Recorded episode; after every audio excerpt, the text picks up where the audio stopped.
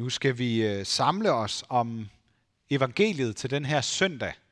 Det er jo sådan lidt en speciel søndag, fordi det er, øh, der er sådan lidt påsketema over det. Lidt opstandelsestema. Det har vi allerede fået antydet her i, øh, i nogle af sangene. Øh, vi har også holdt familiehøstgudstjeneste. I kan se, der sådan er pyntet lidt ekstra op. Og sådan. Så det er der, vi er. Og øh, så skal vi høre en enkel læsning fra Bibelen, til gengæld så er den lang. Det er en lang beretning om tre af Jesu venner. Og jeg har lyst til at, at, at øh, invitere jer til at lytte efter noget særligt. Øhm, prøv at lytte efter, hvordan Jesus kalder på sine tre venner. Det skal jeg sige noget mere om i, øh, i prædikenen om lidt også. Vi vil øh, bede en bøn sammen.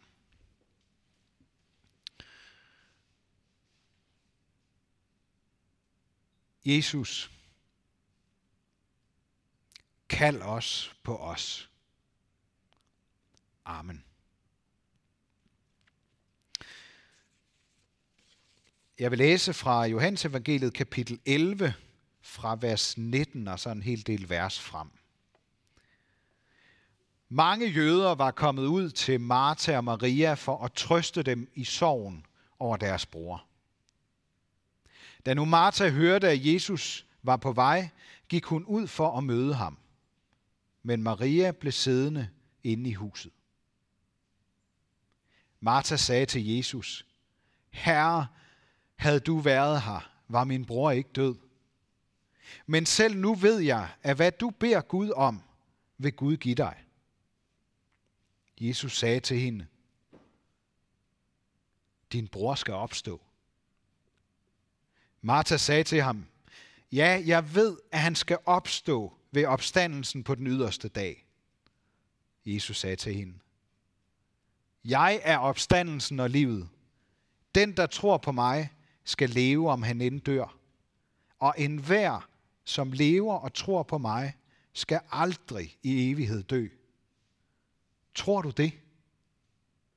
Hun svarede, Ja, herre, jeg tror, at du er Kristus, Guds søn, ham som kommer til verden. Da hun havde sagt det, gik hun tilbage og kaldte ubemærket på sin søster Maria og sagde, Mesteren er her og kalder på dig. Da Maria hørte det, rejste hun sig straks op og gik ud til ham.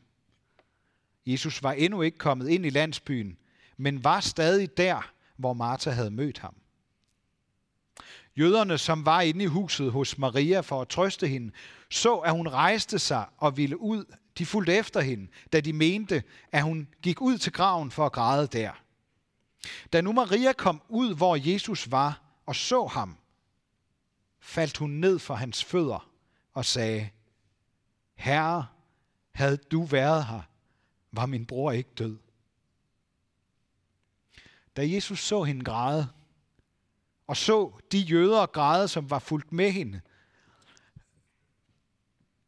blev han stærkt opbragt og kom i oprør og sagde, hvor har I lagt ham? Herre, kom og se, svarede de. Jesus brast i gråd. Da sagde jøderne, se, hvor han elskede ham. Men nogen af dem sagde, kunne han, som åbnede den blindes øjne, ikke også have gjort, at Lazarus ikke var død?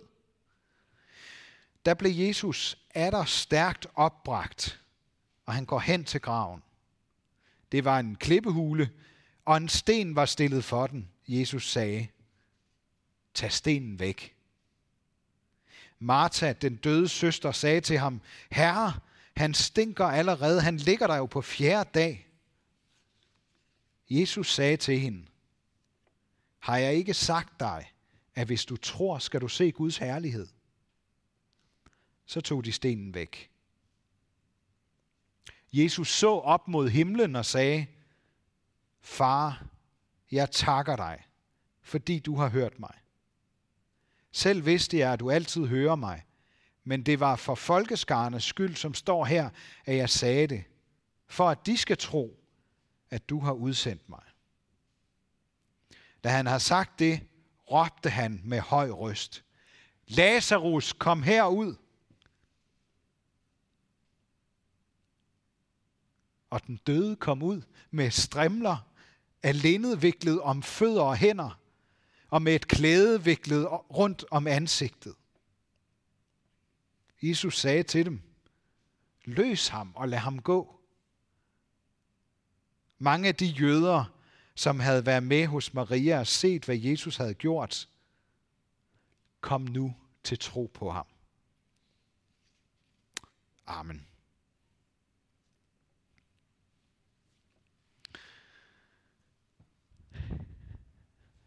I år, der har, øh, der har efteråret på en særlig måde mindet mig om, at Gud kalder på os. Han vil sige noget vigtigt og fuldstændig afgørende, der går imod vores inderste intuition. Noget om opstandelsens virkelighed bag forgængelighed og død. Vi skal ikke øh, sørge over sommerens udløbsdato eller vores egen. Men vi skal prøve at lytte efter de toner, der gemmer sig i skaberværkets forandring.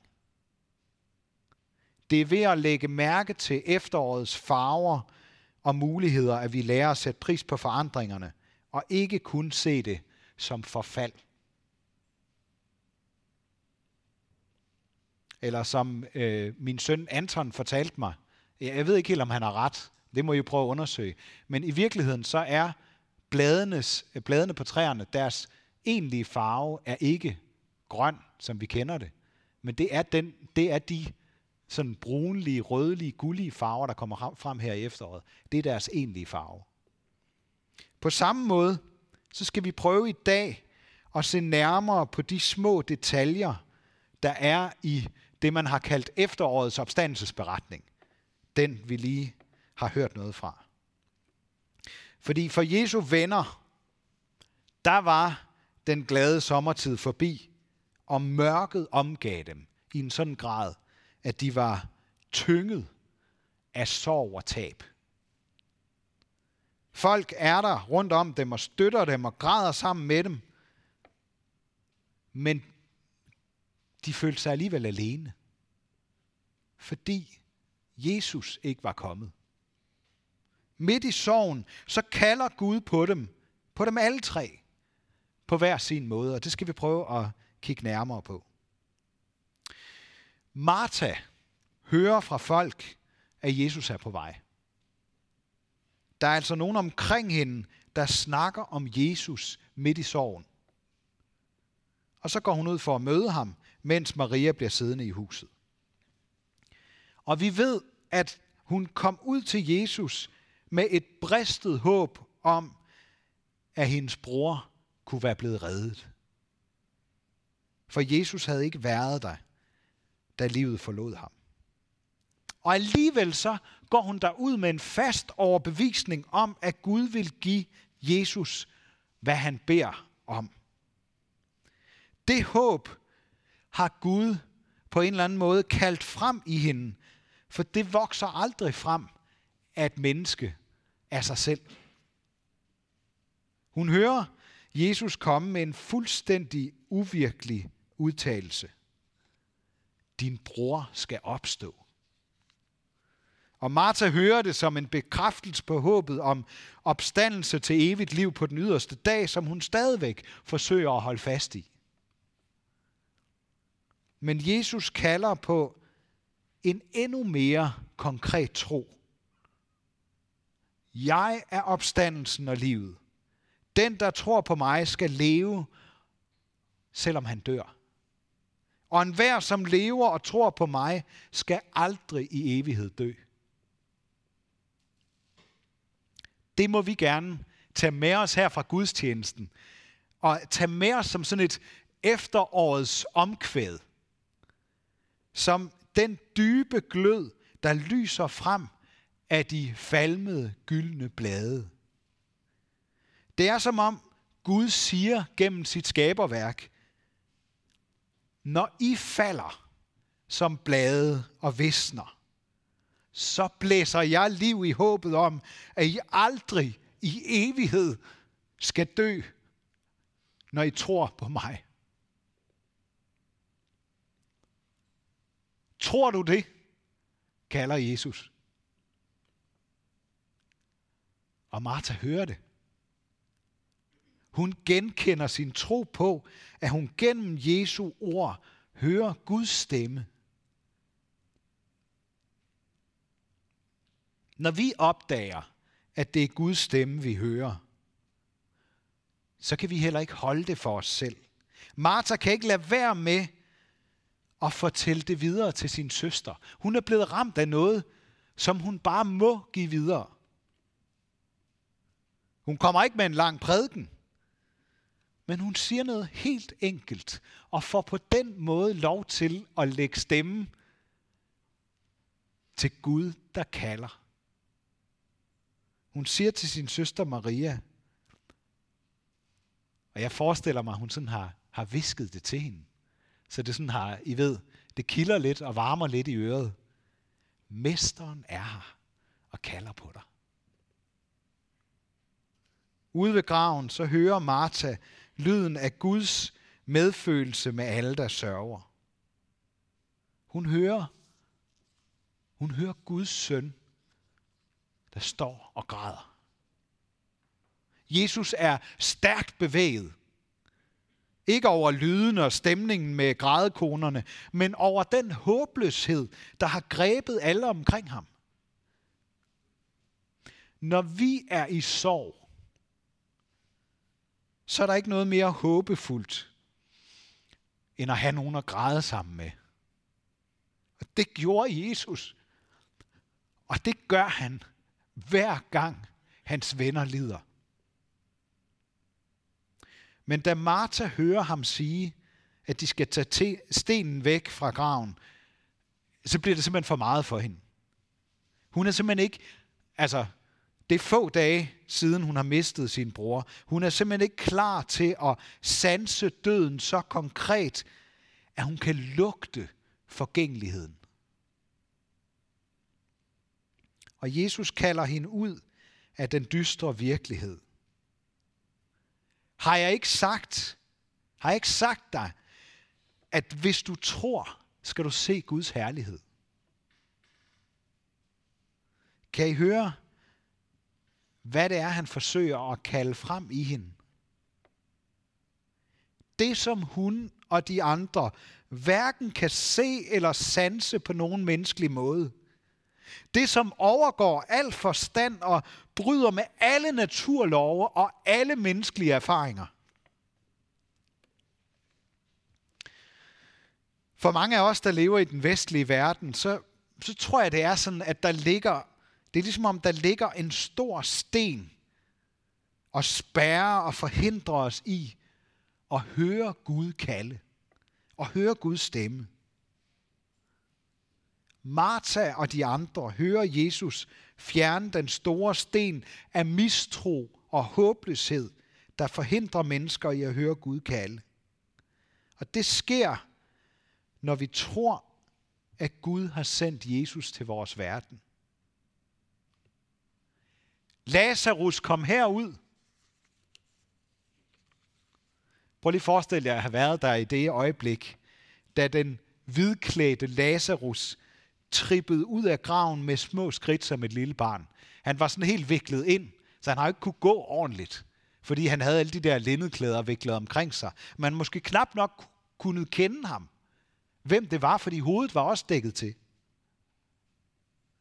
Jeg ved ikke, om nogen af jer har set et lille barn tage sin første usikre skridt. Så får man sådan en lille fornemmelse af overraskelsen og begejstringen, der må have fyldt dem den dag. For der sker noget, der der egentlig ikke kunne lade sig gøre. Det kunne det i hvert fald ikke for lidt siden. Pludselig så kan det. Men det de så, det var på samme tid noget helt andet og uset. Prøv at forestille jer, sammen med Martha og Maria have været med til at vikle Lazarus ud. Ham, der var død, og allerede var begyndt at gå i forrådnelse. så står han der pludselig og så var de med til at vikle ham fri. På den måde er det også, at vi får lov til i dag og hver gang vi er til gudstjeneste, og får lov til at vikle noget af den virkelighed fri, som er så uvirkelig for os. Og åbne lidt for det håb og den tro på opstandelsen, som vi har så svært ved at forstå og holde fast i. Især når sorgen og mørket eller tvivlen omringer os. Lad os prøve også at lægge mærke til, hvordan Maria oplevede, at Gud kaldte den dag. Det første hun hører, det er Martha, der siger, Mesteren er her og kalder på dig. Jeg er ret sikker på, at hun både har hørt det, og hun har mærket det. Den der sidren og spænding, der har været i Martas stemme, fordi hun var blevet ramt af noget fuldstændig vanvittigt, utroligt. Med det samme så rejser hun sig op og går ud til Jesus. Og med det hun gør der, er hun virkelig et godt forbillede for os. Sådan må vi også reagere, når Gud kalder. Ligesom dem, der sørgede sammen med Maria, må vi følge efter hende hen til Jesus for at høre, hvad han ellers har at sige til os. Maria er fuldstændig ærlig over for Jesus, da hun falder sammen foran ham og buser ud med sin frustration. Hvis du bare havde været her. Det næste hun hører, det er Jesus, der reagerer ved at blive stærkt bevæget og sige, hvor har I lagt ham? Og vi tænker, det er jo en ligegyldig detalje. Altså, hvis Jesus er Guds søn, så ved han det jo godt. Men det fortæller os noget om, at Jesus ikke er bange for at være med os i det, der gør allermest ondt. Maria hører også Jesus græde over sin vens død og dødens forfærdelige virkelighed for alle hans elskede skabninger. Maria hører Jesus og Martha, mens de taler sammen. Hun hører den bøn, Jesus beder, og lytter overrasket med, da han kalder på Lazarus. Og så oplever hun, hvad det gør ved de mennesker, der kommer til tro på Jesus. Jeg synes, det virker som om Maria var en god lytter. Når vi står over for noget stort og måske mangler ord, så er det bedste, vi kan gøre, at blive og lytte og måske græde sammen. Og så snakke om det, der er sket.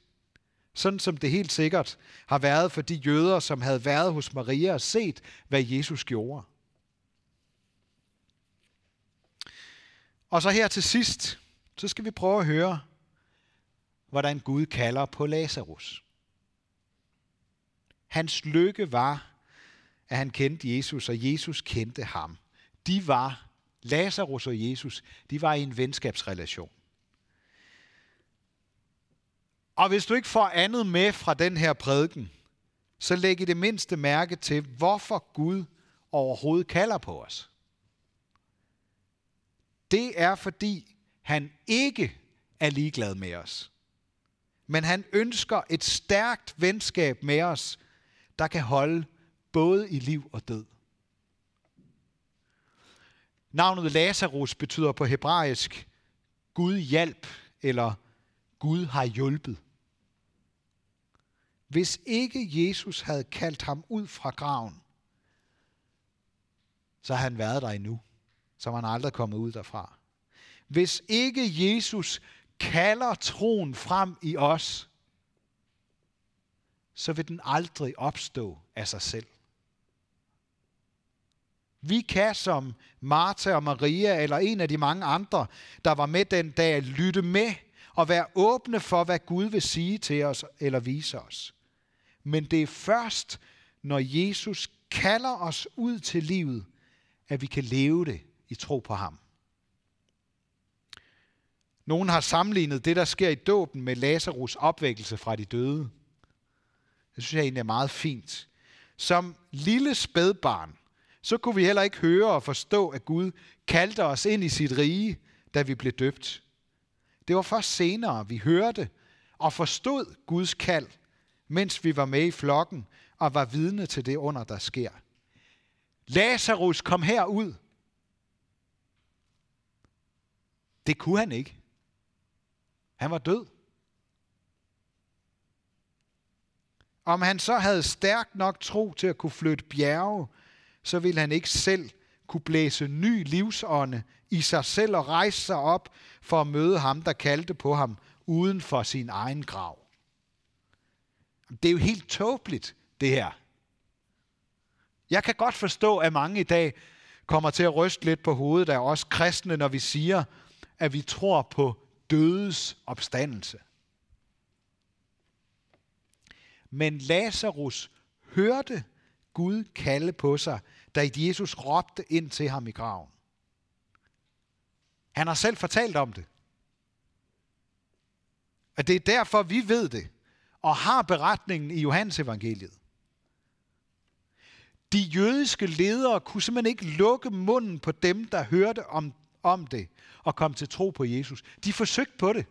På alle mulige måder, med trusler og alt, alt muligt forskelligt. Og alle mulige andre øh, løgnehistorier osv. For alle deres forbehold var væk, dem der hørte det, dem der var kommet til tro. Ligesom stenen var fjernet fra graven. De havde selv set den levende Lazarus. De havde hørt ham fortælle om Jesus. Og derfor blev de nødt til at sige det videre. Kom herud, kalder Jesus på os i dag. Han kalder troen frem på trods af det, vi ikke forstår. Midt i det, der ikke giver meninger, som vi kæmper med. Kom ud med det. Kom som du er. Viklet ind i alt det, du ikke kan befri dig selv for. Lad Jesus kalde dig ud af det alt sammen og befri dig. Mød ham, som du møder en ven. Han kalder os ud af det, vi er i lige nu. Ligegyldigt om det er glæde eller sorg, om det er tro eller tvivl. Han kalder. Om vi opfatter os selv som kristne, eller søgende, eller ateister. Han kalder på os. Hør det. Lad ham få lov til og vikle dig ud, så du bliver fri og levende ligesom Lazarus. Løb ud til ham. Fald på knæ. Bed ham om hjælp med det, du kæmper med, ligesom Martha og Maria gjorde det. Jeg synes simpelthen, det er så stort at læse om Jesus og hans tre venner her, og så tænke på, at vi også i dag kan få lov til at være en af Jesu venner. Ære være Gud, vores far, der har skabt os i sit billede. Ære være Guds søn, der tog vores straf, så vi kan leve i frihed. Ære være Helligånden, ham der gør Guds kærlighed levende for os.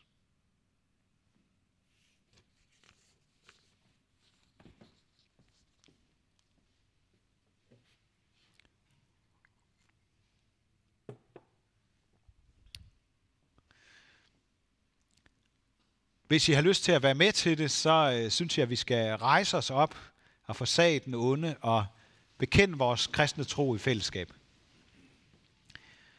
Vi forsager djævlen og alle hans gerninger og alt hans væsen. Vi tror på Gud Fader, den almægtige, himlens og jordens skaber. Vi tror på Jesus Kristus, hans enborne søn, vor Herre, som er undfanget ved Helligånden, født af Jomfru Maria, pint under Pontius Pilatus, korsfæstet, død og begravet, nedfaret til dødsriget, på tredje dag opstanden fra de døde, opfaret til himmels, siddende ved Gud Faders, den almægtiges højre hånd, hvorfra han skal komme levende og døde. Vi tror på Helligånden, den hellige almindelige kirke, de hellige samfund, syndernes forladelse, kødets opstandelse og det evige liv. Amen. Og mens vi står her, vil vi ønske for hinanden, at vor Herres Jesu Kristi nåde, Guds kærlighed og Helligåndens fællesskab må være med os alle. Amen.